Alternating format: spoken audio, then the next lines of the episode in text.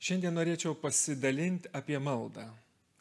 Daug dalykų turbūt esam girdėję ir turėjom savo pačios asmeninės patirties apie maldą. Bet maldoj galėtume išskirti tokius keturis pedagoginius žingsnius. Pirmas žingsnis maldoj visada yra, kad malda prasideda mūsų kojose. Mes einam kažkur.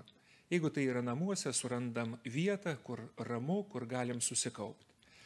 Dažniausiai mes esame įpratę sekmadieniais ar švenčių progom eiti bažnyčią. Žmogus keliauja į šventovę. Psalmių knygos yra pilnos šitokių nuorodų.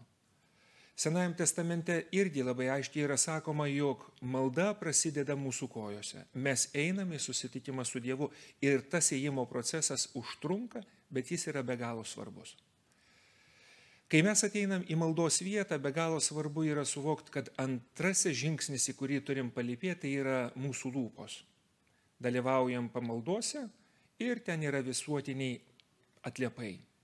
Arba ateinam į savo namus, melžiamės mintinai tas maldas, kurias žinom, kalbam rožinio gailestingumo vainikėlė.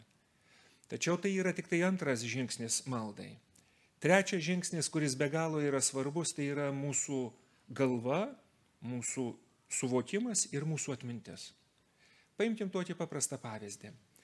Kai melžiamės už savo brandžius mirusiuosius ir prašom Dievo gailestingumo, puikiai suprantam, kad, kaip tariam, kad amžinatelis yra dvi A raidės, tai tos dvi A raidės be galo svarbios yra mums, kai melžiamės už mirusiuosius. Tai yra du žodžiai - atsiprašau ir atleidžiu.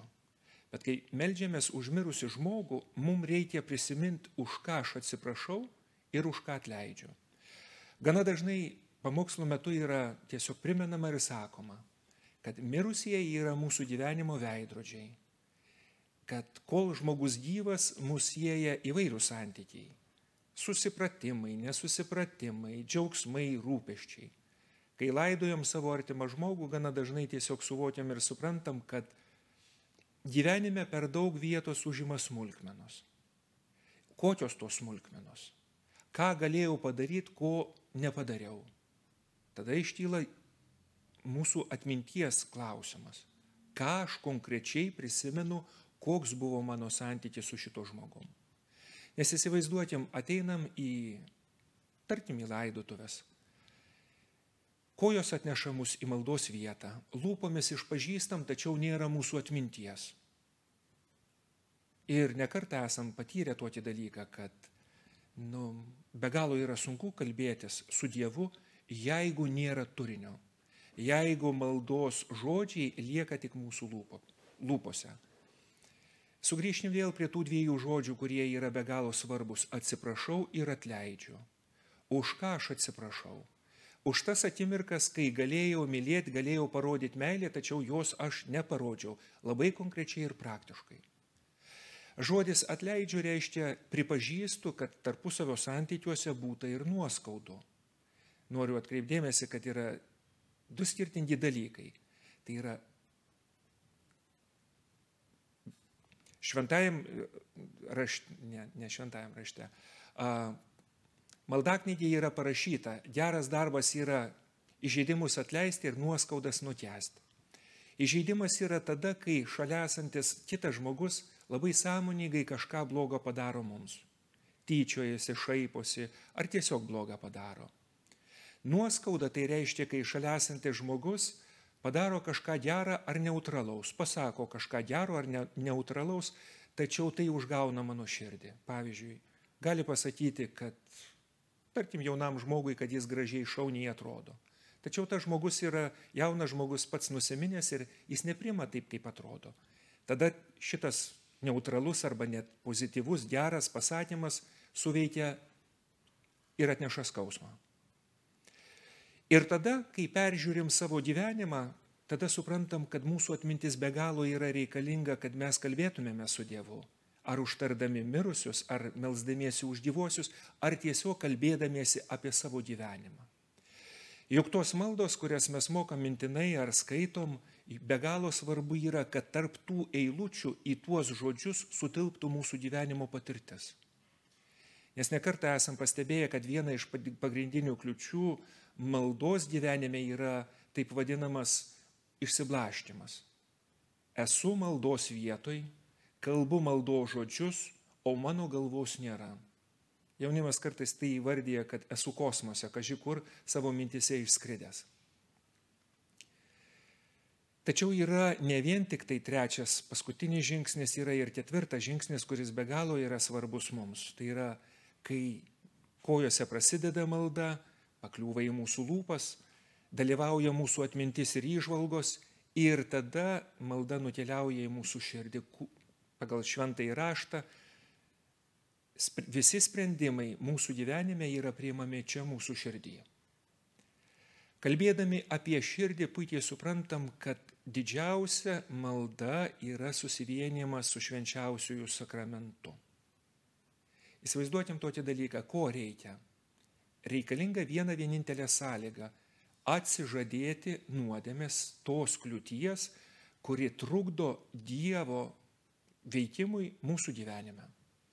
Kitaip sakant, reikal, Dievo malonė reikalauja, prašo mūsų bendradarbiavimo ir atsisakymo nuodėmių. Ir ten širdį kyla apsisprendimas maldoj vienyti su Dievu. Jeigu šito nėra, iš tikrųjų malda nepasiekia mūsų širdies.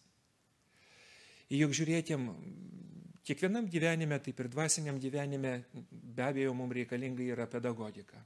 Pačioj pradžioj, kai mes ateinam į maldą, ateinam su kokia mintim. Dažniausiai kažko paprašyti savo arba šalia esantiems žmonėms.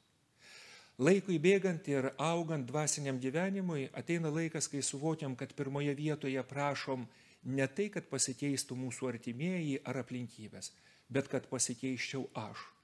Nes čia mano širdį yra daug kliučių. Apie tai, ką šventasis raštas įžodina polinkis į nuodėmę. Štai kodėl be galo svarbu, kad malda, kuri prasideda kojose, pakliūtų į lūpas, pasiektų mūsų atmintį ir suvokimą ir nužengtų į širdį, kad ten įvyktų susitikimas su Dievu. Jeigu neįvyksta visi keturi šitie žingsniai, gana dažnai mes nusiviliam maldą. Įsivaizduokim, kaip atrodo žmogaus maldos gyvenimas, jeigu jis meldžiasi vien tik kojomis ir lūpomis jeigu jo atmintis, jo patirtis nedalyvauja. Ir koks susitikimas su Dievu, jeigu savo širdį mes su juo nesusitinkam ir neprašom, kad Dievas mus perkeistų, kad mes savo viduj panašėtume į Dievą. Su humoru galėtume tiesiog apibendrintai pasakyti, kokia yra visų mūsų konfliktų priežastis su mūsų artimaisiais. Viena iš pagrindinių priežasčių yra kokia. Man atrodo, kad aš duodu kitiems žmonėms daugiau, negu aš gaunu. Kitaip sakant, aš duodu daugiau ir rodau gerumo, negu aš gaunu. Ir dėl to pikstu ir nurodinėjau šalia esantiems žmonėms. Jeigu mūsų dvasiniam gyvenime malda nepasiekia mūsų širdies, mums gali taip pradėti atrodyti, kad iš tikrųjų mūsų pastangos yra kur kas didesnės negu Dievo malonė, kurie veikia mūsų gyvenime. Mums gali atrodyti, kad Dievas tada kažkokių malonių ar reikalingų dalykų, kurių trokšta mano širdis, neduoda. Bet malda yra susitikimas su Dievu. Kurioj vietoj mes susitinkam?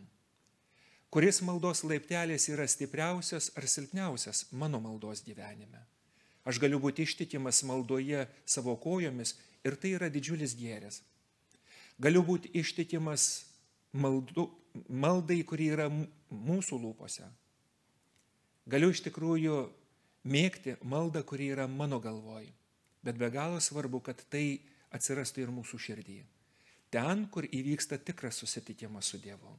Ten, kur įvyksta apsisprendimas už Dievą. Gyventi su Dievu. Amen.